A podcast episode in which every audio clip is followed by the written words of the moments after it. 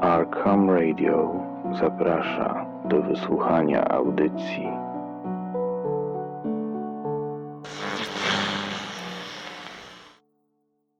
Mój drogi, warunki przez niedorzeczne indyjskie przesądy, których padliśmy ofiarą, są niesprzyjające. Po rozmowie z wodzem wioski i dokładnym obejrzeniu nas oraz naszego sprzętu, dostaliśmy tymczasową zgodę na zamieszkanie w chacie na obrzeżach wioski. Antonio przekazał jednak, że zgodę na pobyt i prowadzenie badań na terenach plemienia musi wydać najważniejsza dla ludu osoba, najwyższy szaman El Muertos. To on, po rozmowie z duchami lasu, miał zaakceptować białych w dżungli. Pojawił się jednak dopiero po kilku dniach, kiedy już zdążyliśmy zadomowić się w tutejszym lokum. Przedstawię ci pierwsze wrażenie, jakie odniosłem po ujrzeniu tego mężczyzny. Uważam, że warto je spisać ze względu na to, jak było silne. Z gęstych zarośli wyłonił się człowiek. Z daleka mógłby wydać ci się niepozornym członkiem plemienia o nieokreślonym wieku, zniszczonym przez liczne choroby i ataki zwierząt, ale z bliska trudno jest uciec przed mistycznymi doznaniami w tym pierwotnym świecie.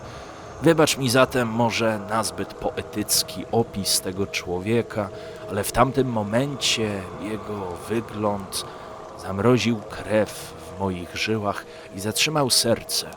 Przepełniło mnie też poczucie, że wszystko stracone, że ostatnia szansa na wyjście cało z dżungli właśnie przepadła. W wiosce zaległa cisza. Nawet dzieci przyklejone do pleców matek przestały kwilić. Siła i szacunek przenikały przez tego człowieka i domyśliłem się, że stoi przede mną szaman plemienia El Muertos. Bez imienia, bez historii, bez przyszłości. Największy autorytet rdzennej ludności, o którym wspomina się lękliwie jedynie przy pełnym świetle słonecznym, a po wszystkim spluwa się trzy razy za siebie, żeby odpędzić złe moce szukające do niego dostępu.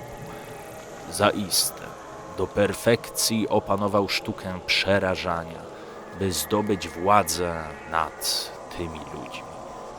Niemożliwym byłoby dokładne opisanie jego wyglądu. Twarz zmieniała się w zależności od tego, jak padało na nią przeświecające przez liście światło. Raz była młoda, raz poorana zmarszczkami i zasuszona, bladosina albo zarumieniona, jak od zbyt długiego siedzenia przy ognisku. Tylko jego oczy pozostawały nieruchome i niewiarygodnie czarne, jak gdyby człowiek ten nie miał tęczówek, a całe ich miejsce zajmowały nienaturalnie rozszerzone źrenice, pochłaniające całe światło i nadzieję. Nagie, umięśnione ciało pokryte było rozległymi bliznami i zrostami, jakby w młodości szaman stoczył wiele krwawych bitew, czy to z dziką zwierzyną, czy z innymi ludźmi. No ale co ja mówię, w młodości najbardziej rzucał się w oczy całkiem świeży ślad pazurów niezidentyfikowanego drapieżnika, przechodzący od serca do pasa. W niektórych miejscach wciąż sączyła się zielono-brunatna, cuchnąca wydzielina, a żywe mięso lśniło od wilgoci. Nie wyobrażam sobie, jak można funkcjonować z tak poważną raną bez choćby grymasu bólu. Teraz wyobraź sobie zapach śmierci. Słodko mydlący zapach zgnilizny, niosący przez pokolenia groźbę zarazy, który każe naszemu gatunkowi odwrócić się i uciekać jak najdalej.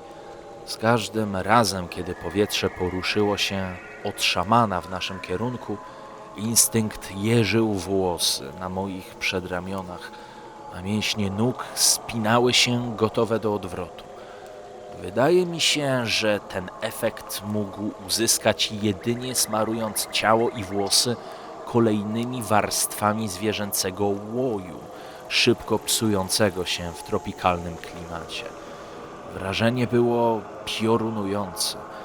Mimo pełzającego po kręgosłupie strachu, pomyślałem, że po uzyskaniu większego zaufania lub przekupieniu starca świecidełkami będziemy mogli pobrać próbki substancji do badań.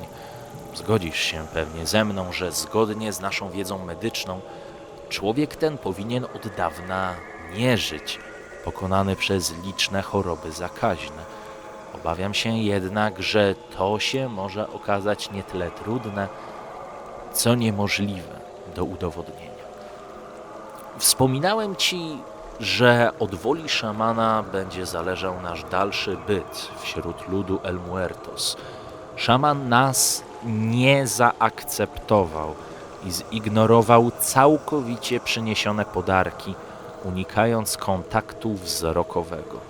A kiedy odchodził, splunął w naszym kierunku czerwono-krwistą śliną. Dla Antonia był to jasny sygnał, że musimy jak najszybciej opuścić tę ziemię. Powiedział, że jeśli tego nie zrobimy, szaman wezwie duchy przodków i nigdy już nie zobaczymy naszego świata. Tej nocy Antonio potajemnie opuścił wioskę. Pozostawiło to nas w niemałej konfuzji. Po długiej dyskusji i głosowaniu większość członków wyprawy zdecydowała, że działamy dalej. Nasza przewaga cywilizacyjna nad tym plemieniem jest widoczna na każdym kroku i żadne indyjskie przesądy nie zaprzepaszczą tego, po co tu przybyliśmy. Będziemy robić wszystko, żeby zdobyć zaufanie czarownika.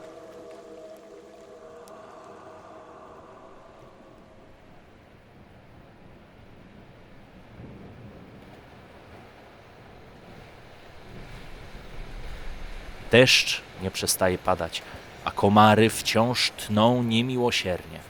Robimy wszystko, żeby się przed nimi skryć i prowadzimy w tajemnicy żmudne prace badawcze. Co ciekawe, dzikich komary nie tykają. Możliwe, że stosują okadzanie dymem jakiejś nieznanej nam rośliny, bo ciągle siedzą otoczeni dymem. Jeśli tak jest, odkryjemy ją i zarobimy fortunę w nowym, starym świecie. John i Miles codziennie pobierają okazy roślin i zwierząt nieznanych nauce. Ich zbiory wyglądają obiecująco. Moje działania ograniczają się do ukradkowych obserwacji zachowań dzikich. Potrwa to tylko do końca pory deszczowej, kiedy albo przekonamy do siebie szamana, albo zostaniemy wypędzeni z wioski.